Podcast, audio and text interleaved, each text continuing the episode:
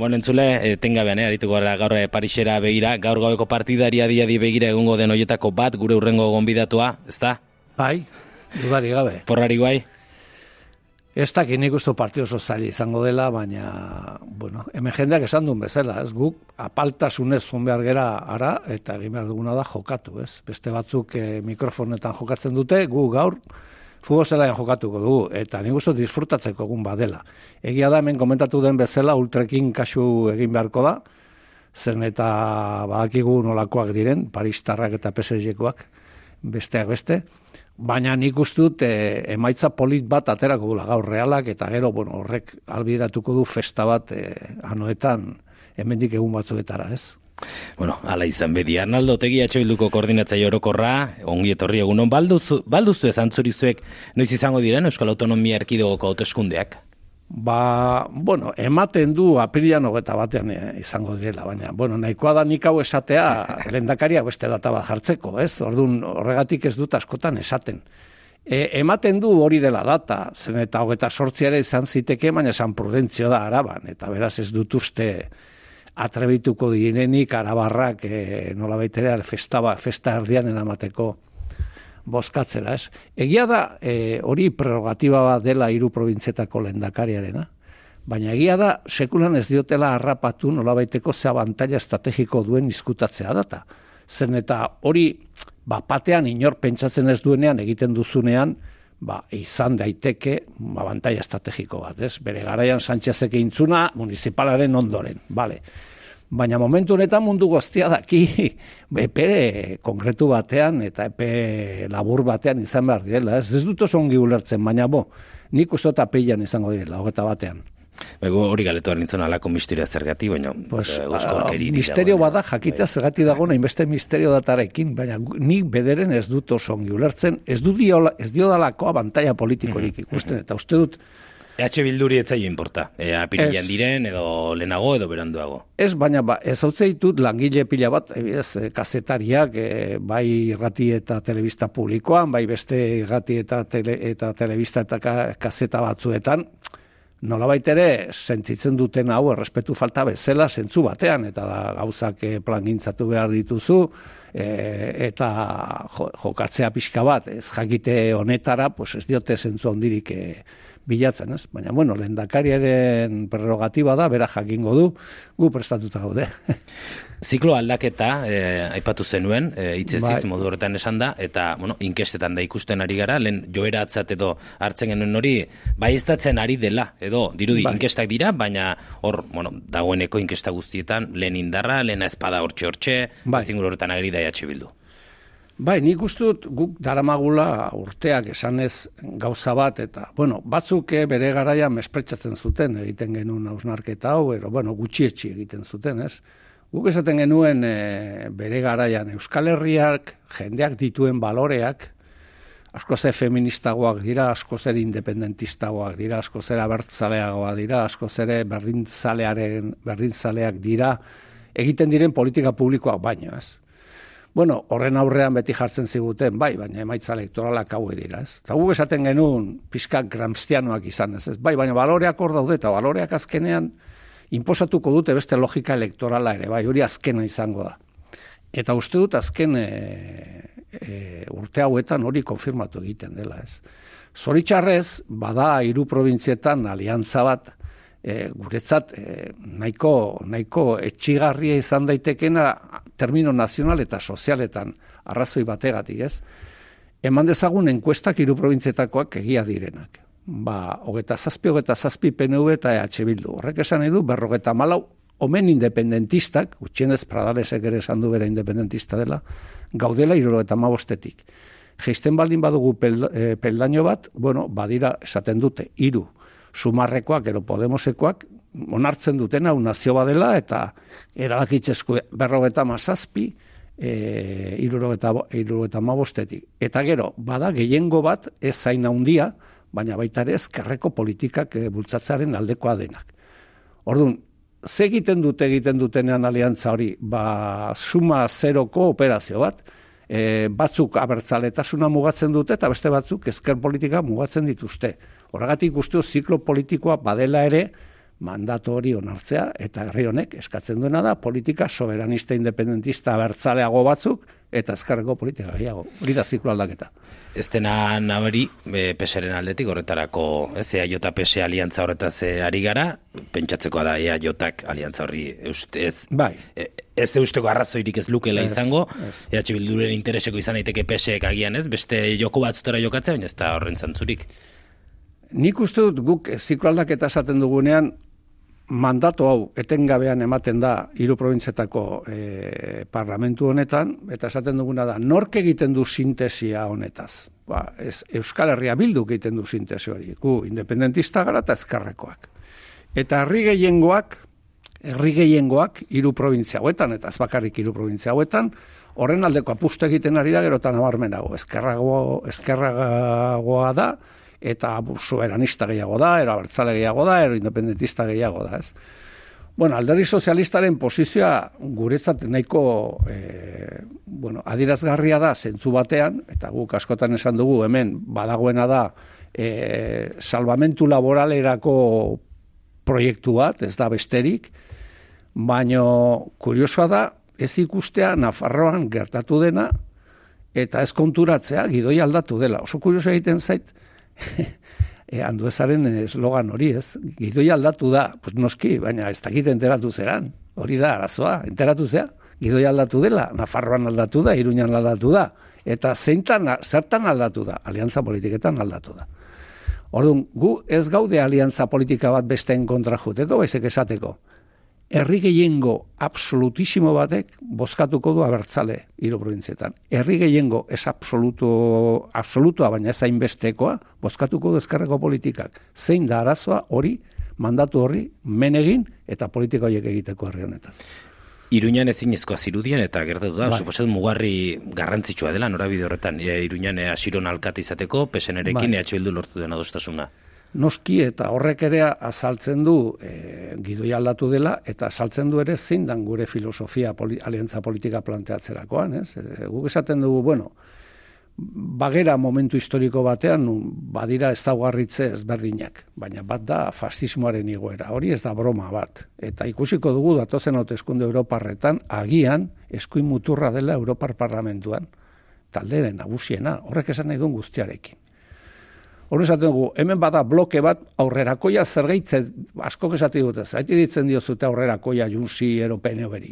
Bueno, pues gutxienez eta beren antifascista badirelako eta historian zehar ere izan dira. Beraz, ez dakate fascismoarekin eh, nola baiteko komplizidari beste eskubi batzu bezala.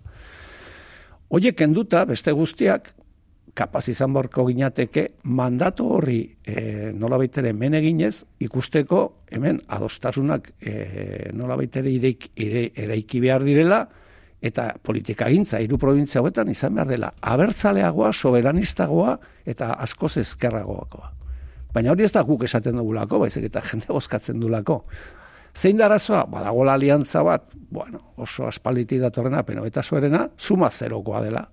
Hau da, pesoa gero pasatzen ditu, kampaina elektoralak esan, nere, nere, gaitik hauek ez dira mendira juten, eta ez dira soberanista egiten, eta besteek esaten dute, bos, hau sozio merkeak direla, ez? Hmm. Baina hori, herri honi mesede gutxi egiten dio. Eatxo bilduk harremanak baditu, peserekin e, maia ezberdinetan, esan bai. duzu aipatu zuen eko handezak oso irmokiari da, kampainan planteatzen ez duela bildurekin e, zer egingo, herrietan dituzen harreman hoiek aurrekontuak aurre, e, adosten dira Iruñako mugarria aipatu dugu. Zait hor nabari ote duzuen terrenuan agian titularretatik edo edabidetatik kanpo baina bueno, gogo bat beste aritmetika batzutara jokatzeko beste aliantza batzuei ateak irekitzeko. Ba, nik ustot egiten ari garela e, adostasunak e, ba, peserekin, bai Podemosekin, bai PNV-rekin, nahi bat ez? Eta orduan, e, nik uste du politika municipalean, alderdi sozialistarekin e, eta PNV-rekin beste motatako harremana daukagula, ez? Baina egia da, alderdi sozialistarekin, ba, irunen, bere garaian eibarren, adostasuna lortu ditugula, ez? Orduan, e, bueno, nanklares de okan, uste dut, uste dut ezakit nanklares de okan ez, hori ateratzen zaik hartzela dagolako. Iruña de okan, Iruña de okan, bai. bai. E, uste dut berriz ere alderdi sozialistaren e, e, udal batean ba, gure babesarekin atera dituela aurre kontu, ez? Bai uste dut politika gintza, politika konbentzionaletik, politika formaletik, esan dezakegu politika burgez formaletik ateratzen denean, eta herritara juten denean, gauzak asko zerretzagoak dira, nire ustez. Azken galdera bat egin nahi dizut sumar Podemos espazio politiko horren inguruan, garaian, bueno, aurrekuspenak egiten genitu denean hauteskundetarako aliantza posible ez horrenetaz, hor, bueno, garaian giltzarri izan zen, espazio horren bai. indartzeak, ez sortzen zituen aritmetik ez berdinak, zagitatxo bilduk, kezkaz bizi duen, e, errespetuz besterik gabe, e, espazio horretan dagoen e, giro hori.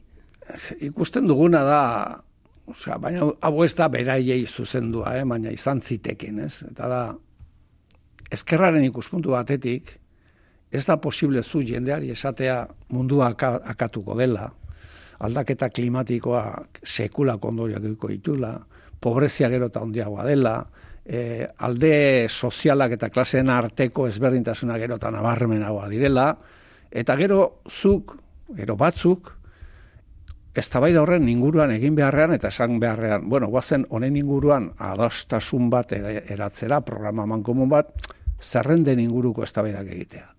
Hori politika konbentzionala da, hori ez da ezkerreko politika niretzat, hori beste gauza bada.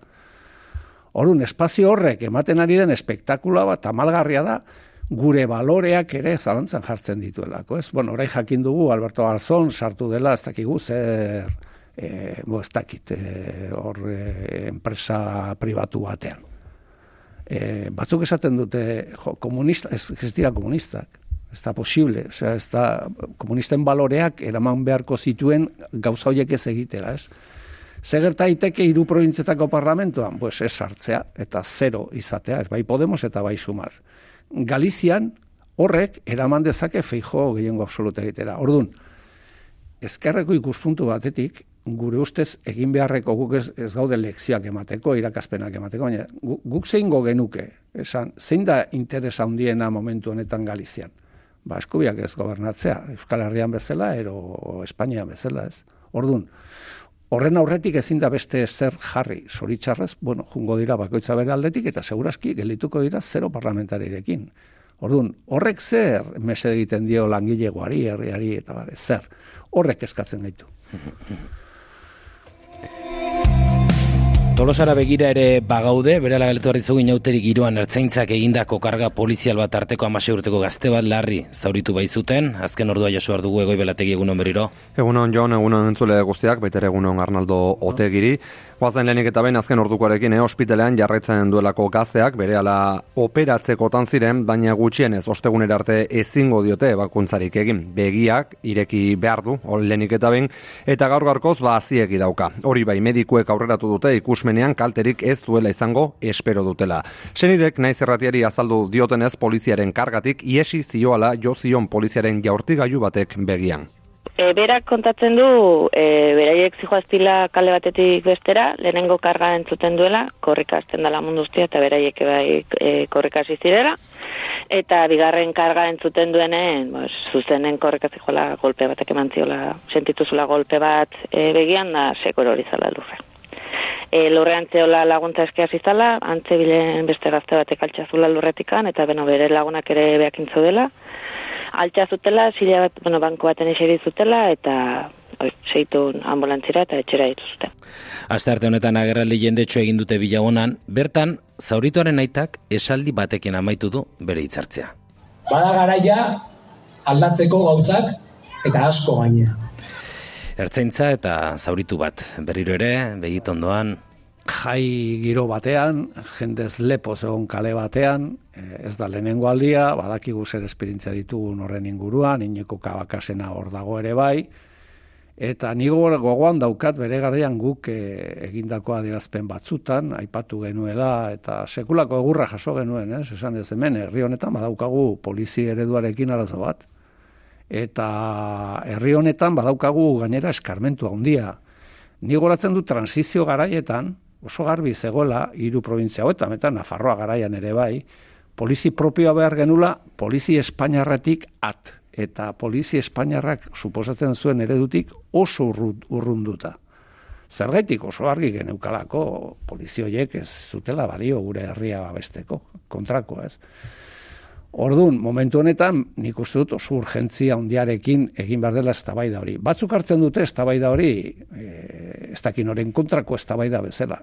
Ez da hola, eztabaida demokratiko bada. Herri honek, eta kasu honetan, herri honen zati honek, badu eskubide osoa bere eredu polizelari inguruko hausnarketa eta eta eztabaida egiteko eta erabakitzeko ze polizia mota nahi dugun eta hori onartu behar da zen eta polizia hori herri honen zerbitzura omen dago beraz herri honek badu e, eskubide osoa esateko zemotatakoa nahi duen.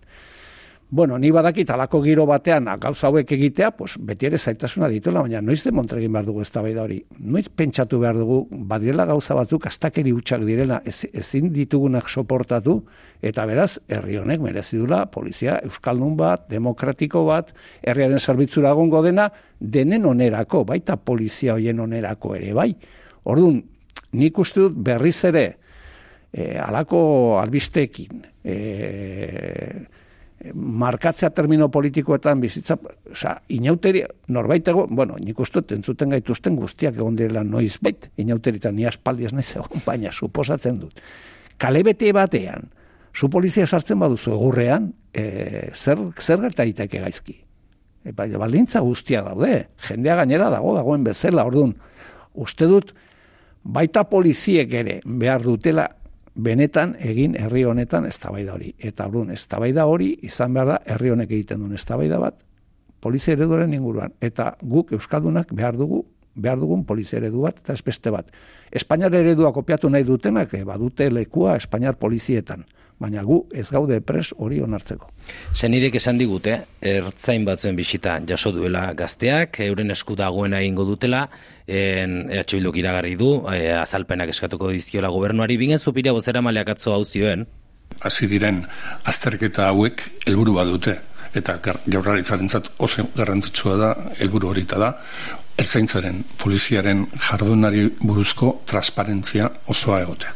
Polizia ere aipatzen zen eta Hor, batzutan, e, galdera, zupiriaren hitzak, bueno, noski aintzat hartuko ditugu, eta borondatea ez du zalantzan bai. jarriko. Galetu nahi nizun, ze batzutan, e, erkorekarekin ere maiz pasa izan zaigu, ia, en, eaiotaren aldetik asonetan ez, poliziaren kudeatzaile gisa, edo gobernuko e, bazkide nagusi gisa, en, pentsat borondatea badagoen, eredu horretan eskoa sartzeko, eta bestea, ahala, ba, ote dagoen.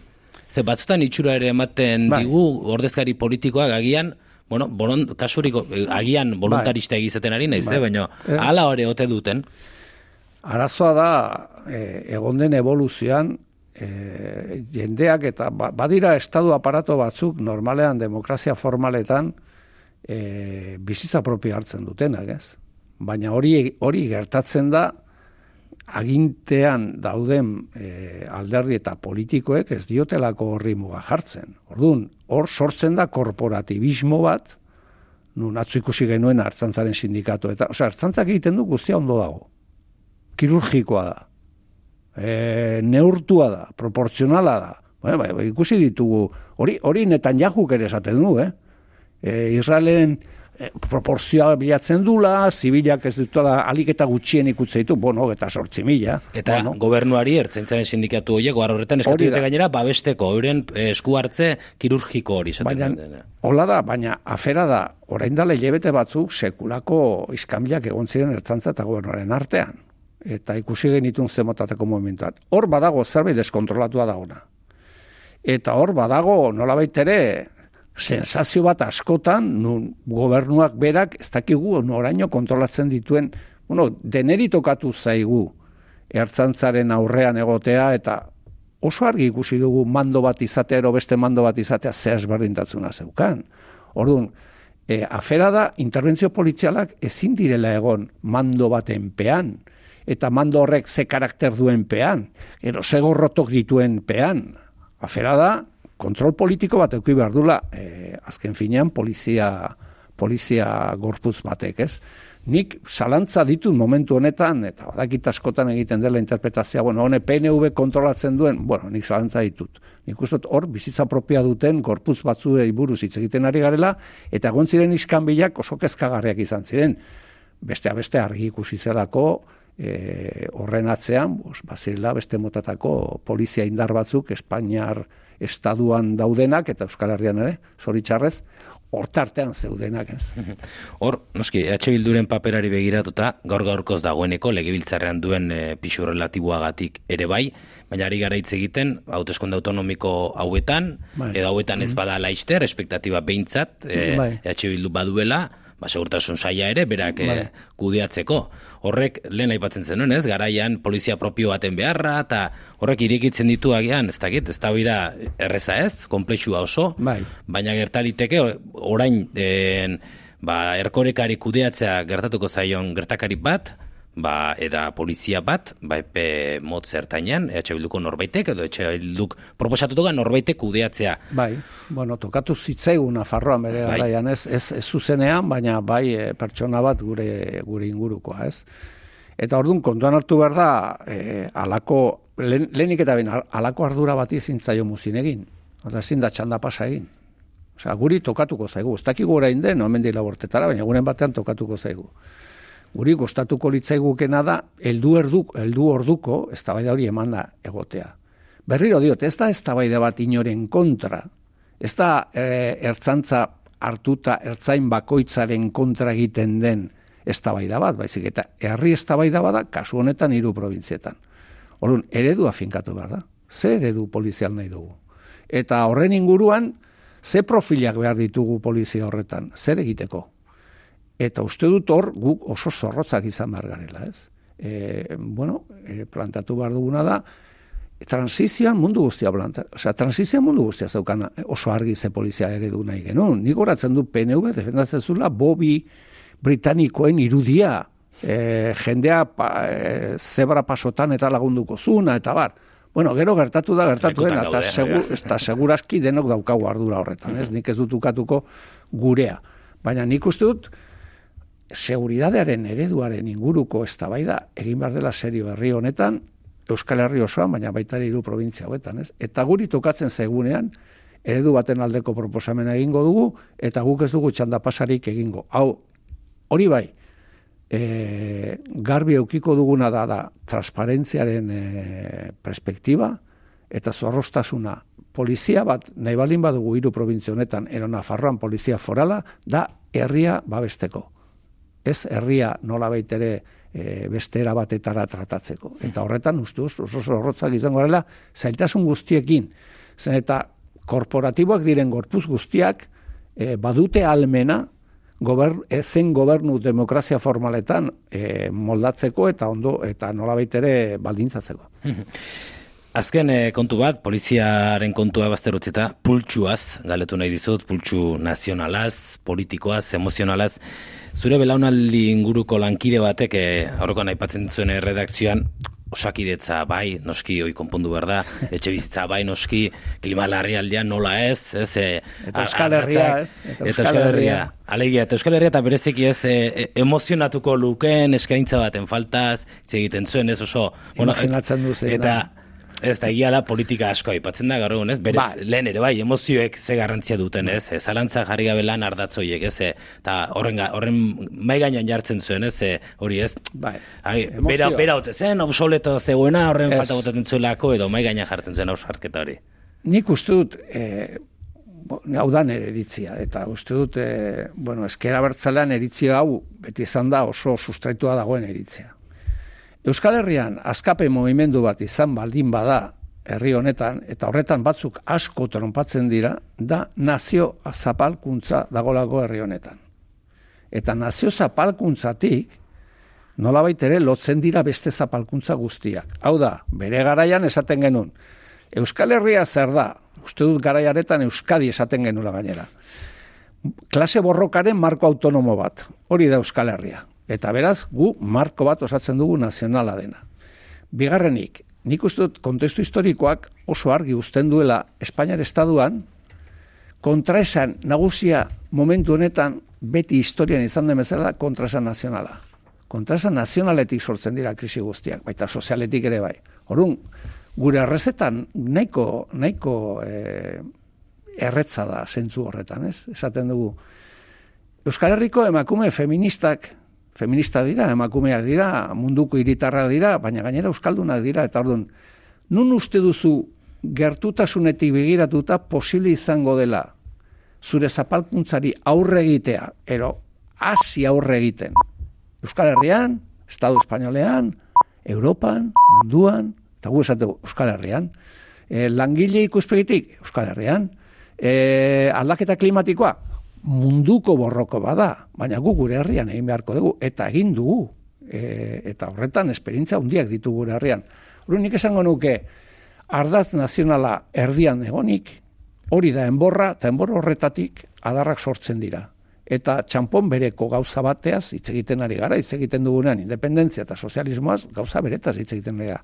Baina nire ustez, herri honetan identidade asko daude, baina bada identidade bat arriskoan dagona eta hori da identidade nazional euskalduna. Eta hori ez badugu horrela ikusten, galdu egiten gera. Azken eh, adibide bat jartzagatik. E, men askotan egiten dira ez tabaidak ezker eskuinekoak. Baina zuk ardaz nazionala galtzen balin baduzu, zure, zure eztabaidak hemen berdina dira Dinamarkan eh, egiten direnekin alderatuta. Bai, baina gu badaukagu arazo gehitu bat. Eta da, zatitua gaude, e, gure herria bizatitan iruzatutan herribidatua, ez dago onartua, zapaldua dago, ez dago errespetatua, bere nazio izaera da, hori da ardatza, nere ustez. Orduan, hori berriz jarri behar da mai gainean. Beste gauza bada, ezin gaitezkela ariketa nostalgikoetan erori. Hau da, hori nola egiten da 2008 lauan, seguraski izango da oso osberdina pasaden mendean egiten zen bezala. Baina ni bai sustengatzen dut herri honetan askape mugimendori balin badago ardatz nazionalean sustatuta izango dela eta dela.